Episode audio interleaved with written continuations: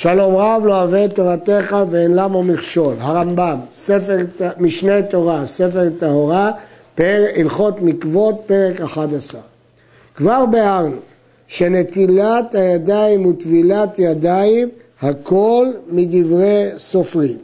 יש כלל שכדי לאכול חולין צריך ליטול ידיים, לשפוק מים מכלי, סרח תרומה, אבל גם לתרומה מספיק ליטול ידיים. אבל לקודש, לאכול קודש, צריך טבילת ידיים. אבל גם הדין של נטילת ידיים לחולין ולתרומה, וגם הדין של טבילת ידיים לקודש, הכל מדברי סופרים.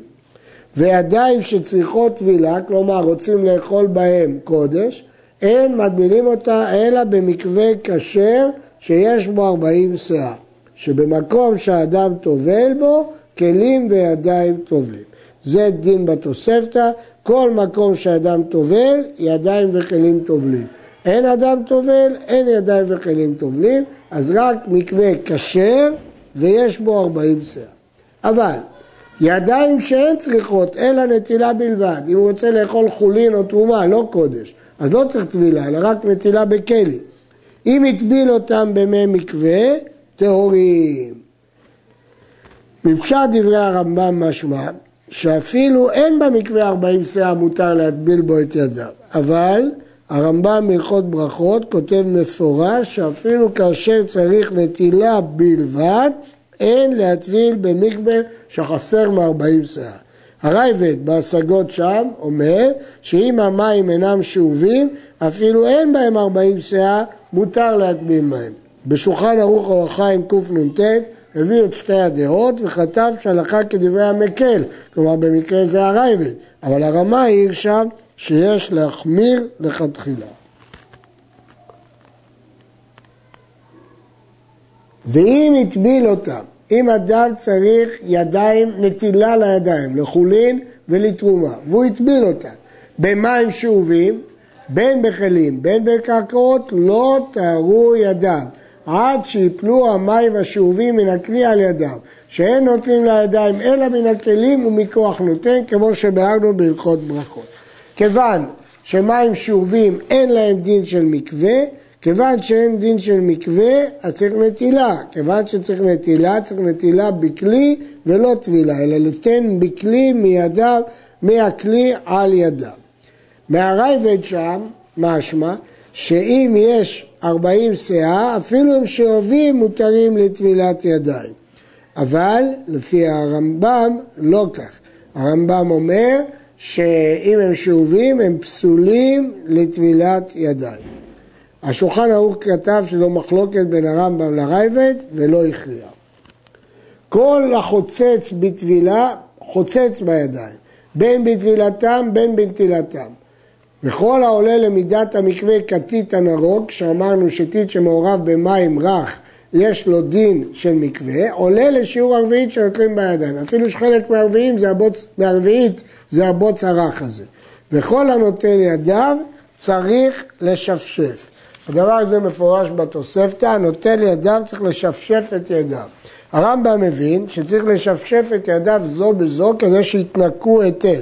וכן דעת הראש והטור, רבנו ירוחם או רבנו שמשון פירש שהכוונה שצריך לנגב את ידיו. אגב, הרמב"ם לא הזכיר את השפשוף בהלכות ברכות. הנוטל ידיו לתרומה צריך לחזור וליטול פעם שנייה במים שניים כדי להסיר המים שעל גב ידיו, שהרי המים שנטל בהם תחילה, והם הנקראים מים ראשונים, נטמעו בידיו. חכמים גזרו שסתם ידיים דינם כשני לטומאה, ולכן הם מטמאים את המשקים ועושים אותם ראשון. אז לכן המים שנטל אותם בידיו, המים נטמעו מחמת ידיו, אז צריך מים שניים להסיר את המים שעל ידיו. אבל לפי הרמב"ם כל זה רק לתרומה, לא לחולין. מדוע? כי בתרומה יש דין של תרומה שנגעה במים שנגעו בידיים טמאה, אבל בחולין לא גזרו עד כדי כך שצריך מים שניים. אבל לדעת הרייבד, גם לחולין, לאכילת פת, צריך מים שניים מאותו הטעם. לפיכך, אם נפל כיכר של תרומה לתוך המים שנטל בהם ידיו תחילה, נטמע, כי המים טמאים. ואם נפל לתוך המים השניים, לא נטמע. ואם תשאל, הרי למה לא נאמר שהמים השניים נטמעו מהמים הראשונים? כי אם כך, אף פעם לא תהיה טהרה לידיים, ולכן לא תקנו, לא גזרו עד כדי כך. ואם נטל ראשונים ושניים למקום אחד ונפל שם כיכר של תרומה, נטמע, כיוון שהוא נטל את הראשונים ואת השניים במקום אחד. נטל את הראשונים ונמצא על ידיו דבר חוצץ, הסירו ונטל את השניים, הרי ידיו טמאות שהיו, כיוון שהמים הראשונים לא, לא הועילו כי יש חציצה, והמים השניים לא יכולים לתאר, שאין המים השניים מתארים אלא נשאר מן המים הראשונים על גב היד. אבל פה הם לא, לא טהורים כי הם לא מתארים את המים הראשונים מכיוון שיש שם חציצה. הד... הידיים מטמאות ומטהרות עד הפרק. מה זה הפרק? פרק הוא חיבור בין אברי הגוף. הרמב"ם לא פירש עם כוונתו לחיבור בין האצבעות לכף היד, או אה, באמצע האצבעות, או בין כף היד ליד. רש"י כתב במסכת חולין שנוטלים עד הפרק השני שבאמצע האצבעות, דהיינו ראשי האצבעות. אבל אה, מעריף משמע שהפרק הוא חיבור האצבעות לכף היד. אה, הראש כותב שהפרק הוא חיבור בין כף היד לזרוע. להלכה פסקנו שנטילת ידיים מעד הפרק שמחבר את כף היד לזרוע, מהרמב"ם לא מפורש מה זה הפרק. כיצד? נטל את הראשונים עד הפרק, מה שנחליט שזה הפרק. ונטל המים השניים חוץ לפרק, וחזרו מחוץ לפרק לידו, הרי ידו טהורה, שהמים השניים טהורים הם. אבל אם הוא נטל את הראשונים והשניים חוץ לפרק וחזרו לידו, נטמאת ידו. שהמים הראשונים שחוץ לפרק נטמעו מחמת ידיו. ואין המים השניים מתארים מים שחוץ לפרק. ולפי שחזרו המים שחוץ לפרק לידו, טימאוה. הרמב"ם מסביר בפירוש המשנה למסכת ידיים. אם נטל את הראשונים חוץ לפרק, נעשו אותם המים אשר חוץ לפרק בשקים טמאים, וכאשר נטל מים שניים, תהיה כל מה שידיו ממים ראשונים. אבל מה שיש מהמים הראשונים חוץ לפרק, המים השניים לא תיארו אותם, כי אין המים מתארים אלא עד הפרק. לפיכך, המים שחוץ לפרק וחזרו לידיים, טימאו אותם כי הרי הם משקים טמאים. נטל את הראשונים לידו אחת. הוא נטל רק יד אחת בלבד. ונמלך, אחר כך הוא קרב את שתי ידיו, ונטל את השניים לשתי ידיו. ידיו טמאות. שהשניים מטמאים מחמת היד שלו נתלה במים ראשונים, וחוזרים ומטמאים את היד השנייה. עכשיו הוא הצמיד את שתי הידיים. השניים שעל היד השנייה הם בעצם ראשונים, אז הם נטמאים מהיד, והם נוגעים במים השניים שעל היד השנייה וטימאו אותם.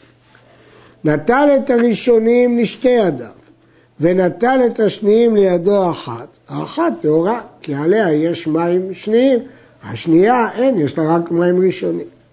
נטל ידו אחת ושפשפה בחברתה. נטמעו המים שעליה מחמת חברתה שלא נטלה, כי הרי הוא אה, חברתה לא נטל, הוא נטל רק יד אחת, הוא נגע בשנייה שלא נטלה, היא נטמעה, וחוזרים ומטמאים את היד שנטלה. שפשפה בראשו בכותל, הרי זו טהורה. כי חכמים לא גזרו טומאה על איברים אחרים, רק על הידיים. אז לכן היד שנגע בראש או בכותל לא נטמעה. נטל שתי ידיו משטיפה אחת, הרי אלו טהורות. ואין אומרים הרי זה כנוטל ידו אחת במים שירדו מעל ידו השנייה. למרות שהמים באו ליד אחת ועברו לשנייה, אז למה לא נגיד שהיד נטמעה מהיד האחת וטימאה את היד השנייה, ובאמת זאת דעת רבי מאיר, שאי אפשר ליטול שתי ידיים בשפיכה אחת, שהמים מטמאים בידו האחת ומטמאים את היד השנייה, אבל תנא קמא חולק על רבי מאיר, הוא מתיר וכן הלכה. ומה הטעם? כי רואים את שתי הידיים כיד אחת. אז כמו שביד אחת אתה לא חושב שהמים עברו ממקום למקום, אתה רואה את זה כשטיפה אחת, אז גם את שתי הידיים רואים כשטיפה אחת. אפילו ארבעה וחמישה, זה בצד זה או זה על גב זה, ובלבד שירפו שיבואו בהם המים. אם קרבו כולם את ידיהם, שפך עליהם מכלי רחב וכל הידיים נשטפו בבת אחת טהורים ולא רואים שהמים נטמעים מיד אחת ומטמאים את היד השנייה. רואים את הכל כי יד אחת הם חשובים. כך כותב הרמב"ם בפירוש המשנה שכולם כמו יד אחת אנחנו חושבים אותה. נטל מקצת ידו וחזר והוסיף ונטל הנשאר מן ידו. הרי זאת טמאה כשהייתה כי המים שנטמעו בחלק מהיד טימאו את המים השניים. למה? כי פה הוא לא טטל את כל היד בבת אחת, כי היד הנשארת היא בטומאתה, ולא נאמר שייטול אחרת חלק שלא נרחץ ותשלם לו נטילה ראשונה, צריך שייטול את כולה כאחת. ואם עדיין יש על מקצת שנטל בתחילה תופח על מנת להלפיח, רטובה כדי שזה, הרי זה טהורה, כי זה נקרא שהוא לא גמר לרחוץ אותה והוא ממשיך בשנייה, בחלק השני. במה דברים אמורים במים הראשונים? כל הדין הזה הוא במים הראשונים. אבל במים השניים נוטל מקצת ידיו וחוזר ומוסיף על מקצתם. זה רק דין במים הראשונים, אבל לא במים השניים. הרייבד השיג על ההלכה הזאת. שיעור המים שנוטלים בהם תחילה, רביעית לכל אדם ואדם לשתי הידיים. אין פחות משיעור זה. כמו שביארנו בנטילת ידיים לפת, אבל בהלכות ברכות. אבל מים שניים יש לשניים ליטול ידי מרביעית, ובחצי לוג נותנים לשלושה או לארבעה, ומלוג נותנים אפילו למאה, שאין המים השניים לתאר, אלא להעביר המים הראשונים, אז מספיק רביעית אפילו לשניים. זה דין שמקורו במשנה, שנוטלים מרביעית לאחד ואף לשניים, מחצי לוג לשלושה או לארבעה, מלוג לארבעה או למאה, אבל המשנה לא אמרה שהיא מדברת רק על מים שניים. הרמב"ם מפרש בעקבות הגמרא בחולין שאומרת משום דקאתו משיירי טהרה. ההיתר לטבול, ההיתר לנטול בפחות רביעית נובע שזה מים שניים, שכבר נטהרה ידו במים ראשונים, וזה שיעורי טהרה. אבל רש"י ותוספות פירשו את הגמרא אחרת, שהכוונה שנוטל ידיו בפחות מרביעית, אבל בתחילה הייתה הרביעית, הראשון נטל ממנה והשאיר חלק מהמים, ואז מותר לאדם אחר ליטול מהנשאר, שזה שיעורי טהרה. רוב הראשונים קיבלו את פירושם של רש"י ותוספות, אבל כפי שראינו, באורו של הרמב"ם, הגיוני מאוד. כלי שהיה בו רביעית מים כשרים לנטילת ידיים, ונתן לתוכו מעט מים פסולים לנטילת ידיים, הרי אלו כשרים. נטל מן הכל כשיעור שנתן ונשארה רביעית בלבד כשהייתה, הרי זו פסולה, משום שהמים הפסולים השלימו שהיא רביעית. כתוב בגמרא, אמר יש לקיש, כל המשלים למי מקווה משלים למי רביעית. לרביעית אינו משלים. שאלה הגמרא מה פירוש אינו משלים? נתן שאה ונטל שאה. זאת אומרת, אם הרוב מים כשרים ומיעוט מים פסולים זה בסדר. למה? כי יש רביעית מים כשרים. ואחר כך הוא מוסיף מעט מים פסולים, זה לא פוסל, כמו במקווה. אבל אם הוא ייקח עכשיו את הכמות שהוא הכניס, אז זה פסול. נתן שאה ונתן שאה זה פסול. כל המים הפסולים לנטילה במים ראשונים, כך הם פסולים במים שניים. כל הדין של מים פסולים במים ראשונים, פסולים גם במים שניים. וכל כלי שאין נוטלים ממנו במים ראשונים, כגון שהוא נקוב או פגום, כך אין נוטלים ממנו מים שניים. הוא גם לא מועיל כדי ליטול בו מים שניים, כי תקנת מים שניים הייתה באותם תנאים של תקנת מים ראשונים.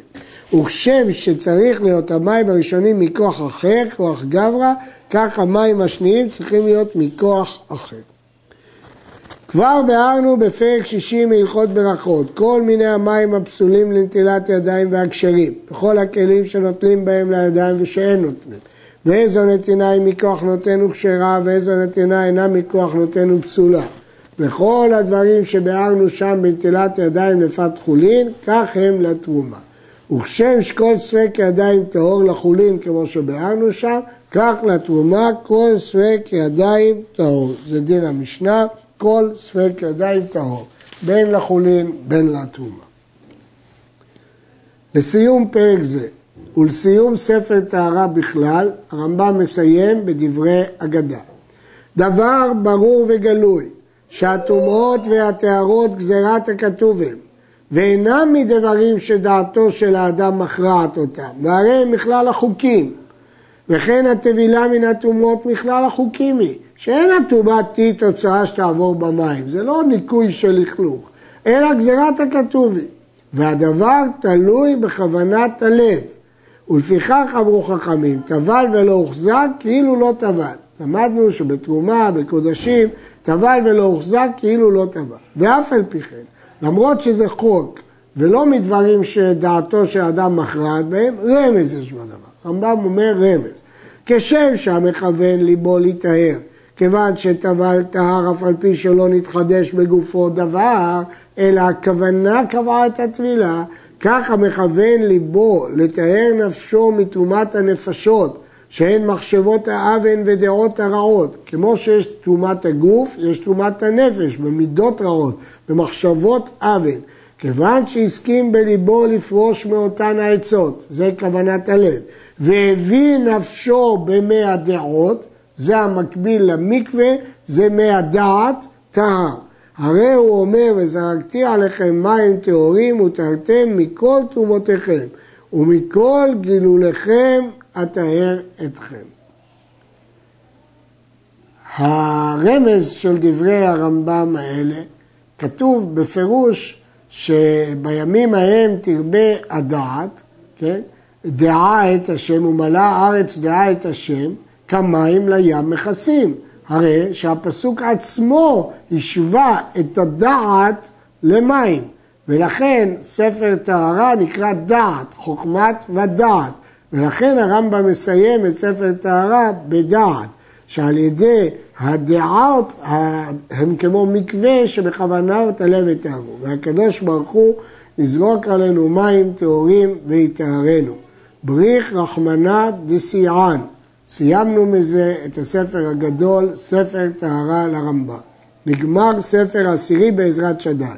ומניין פרקים של ספר זה 144. הלכות טומאת מת חמישה ועשרים פרקים. הלכות פרה אדומה חמישה עשר פרקים. הלכות טומאת צרעת שישה עשר פרקים. הלכות מטמאי משכב ומושב שלושה עשר פרקים. הלכות שאר אבות הטומאות עשרים פרקים. הלכות טומאת אוכלים, 16 פרקים. הלכות כלים, 8 ו-20 פרקים. הלכות מקוות, 11 פרקים. יהי רצון שכשם שזכינו לסיים את ספר טהרה, כך נזכה להתחיל את ספר נזיקין, ללמוד, ללמד, לשמור ולעשות בטהרה. אמן.